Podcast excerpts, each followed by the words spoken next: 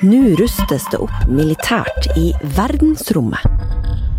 Og Norge er med, sammen med stadig flere land. Er det fordi det snart kan bli krig ute i rommet?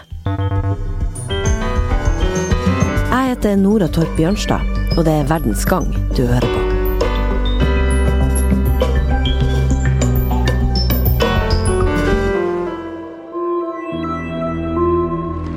Space.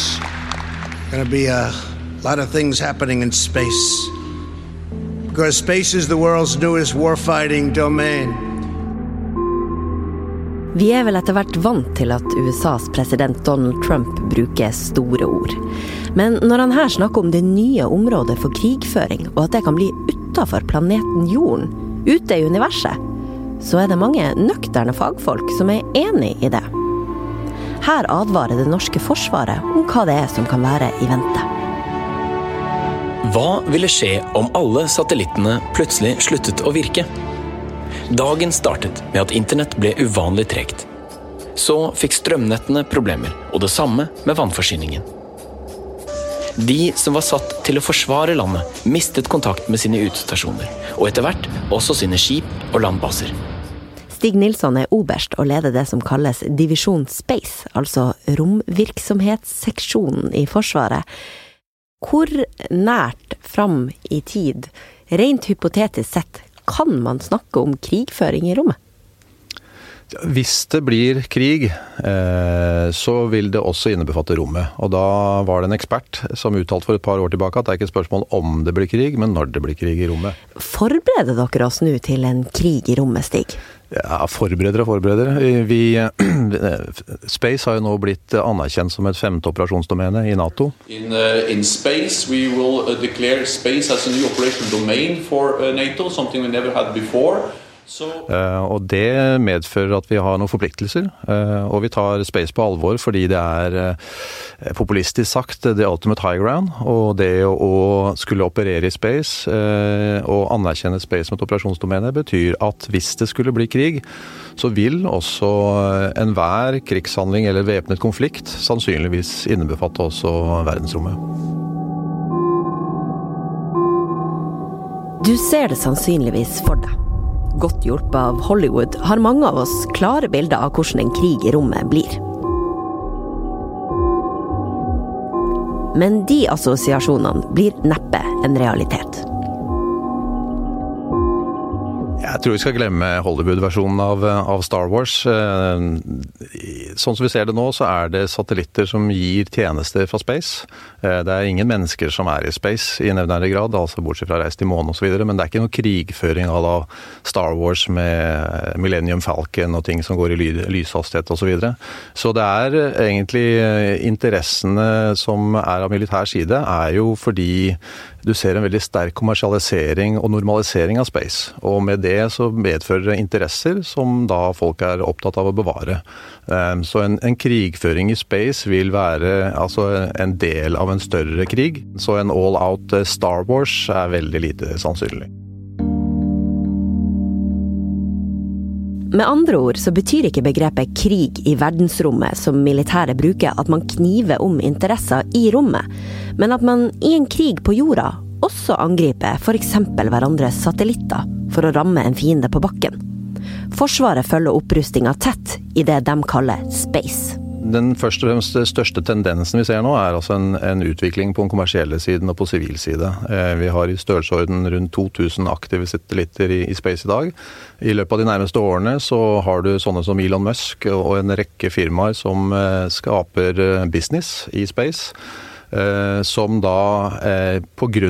at det er veldig lite regler i space eh, Man kan tenke seg akkurat som i, i, i luftfartens spede begynnelse, så var det veldig lite regulert. Og når man nå får en voldsom økning av satellittkapasiteter uten et regelverk, så er det potensielt grunnlag for konflikter.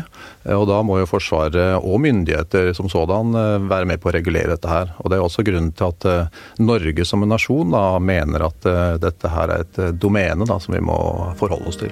Ja, nettopp det her med hvordan man fordeler hvor nasjoner og kommersielle interesser har lov til å plassere ut utstyr, som satellitter eller navigasjonshjelpemidler i verdensrommet, er slett ingen lett sak. Derfor etablerte FN en romtraktat i 1967. Administrerende direktør i Norsk Romsenter, Christian Haugli Hansen, sier det var en milepæl. Det første man ble enige om, det var at man skal ikke militarisere rommet, i den forstand at man skal utplassere kjernevåpen og, og masseødeleggelsesvåpen og sånt. Og det var svært viktig. Eh, samtidig så er jo eh, altså satellitter som går rundt jordkloden, de er globale av karakter. De må gå rundt. og Derfor så har man Det er ikke mulig å dele opp dette her i sektorer. Det man kan gjøre, er å si noe om i hvilken høyde ting skal gå, og sånt noe, hvilke type frekvenser man bruker når man skal kommunisere og sånt noe. Og det er det blitt en økt fokus på nå, å, finne ut av hvordan skal man håndtere all denne trafikken som foregår, og sørge for at man, man sikrer eh, de investeringene som alle nasjoner gjør. Eh, så, så det, er ikke, det, er ikke, fritt fram, altså. Eh, mm. Men er det sånn f.eks. at i, i luftlinje over et land, så tilhører det rommet som er over der, eller, hvordan, eller kan USA utplassere noe som er rett over Norge f.eks., hvis de skulle ønske om det? Der er det heller ikke noen veldig entydig lovgivning, men typisk så sier man at verdensrommet begynner i en høyde av, av 100 km. Eh, sånn at eh, opp til det så, så, så, er det omtrent så høyt man kan eh, fly, og enda litt til. Mens, mens alt som skjer over der, det mangler til en viss grad regulering. Og Derfor så kan sånn som da Elon Musk, altså gitt at han får godkjenning til å bruke radiospekteret til å, å, å, kommunisere mellom satellitter og ned til bakken og sånn, så kan man sende opp satellitter og få godkjent til det.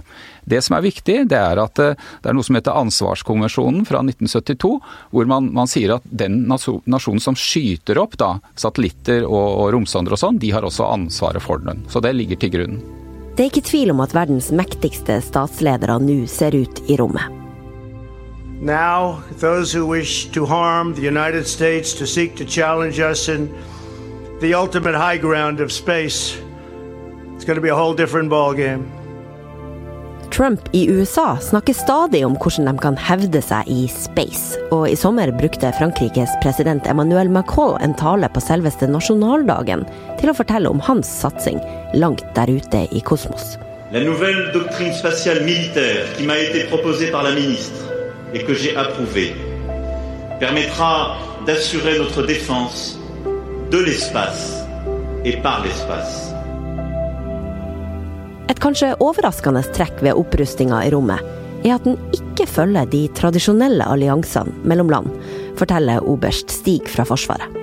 Det er ganske interessant, fordi det snakkes jo mye om spenning globalt mellom ulike nasjoner osv. Men i space er i hvert fall min oppfatning det at det, det, har vært a peaceful use of outer space. Og det har over tid skapt en, et samarbeidsklima der amerikanere bruker russiske oppskytningsraketter. Så det går liksom på tvers av kjente, ikke konfliktlinjer, da, men altså kjente skal vi si, terrestrielle de, de, de, de temaene vi diskuterer og, og krangler om eh, på bakken. Så det er ene området. Ehm, det andre er det at de store nasjonene nå ikke lenger er alene. Eh, det kommer mange flere andre nasjoner, som de største nasjonene, sånn som USA og Russland, eh, på vis hilser, hilser velkommen, fordi at de, de, er med på å normalisere bruken av space. da. Verdensrommet er et viktig satsingsområde fra det norske forsvaret nå. For det står mye på spill, skjønner vi ut fra informasjonsvideoen de har laga. Hva ville skje om alle satellittene plutselig sluttet å virke? For vanlige mennesker ble hverdagen satt mange tiår tilbake. For landets sikkerhet ble vi tilnærmet maktesløse. For en inntrenger lå veien plutselig åpen.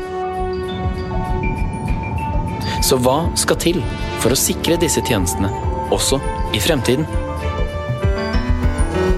Har hørt en episode av podkasten Verdens gang, som lages av Tor Erling Tømtrud, Emilie Hall Torp og Kristine Hellesland. Jeg heter Nora Torp Bjørnstad. Magne Antonsen er teknisk produsent. Likte du det du hørte, må du gjerne abonnere på oss.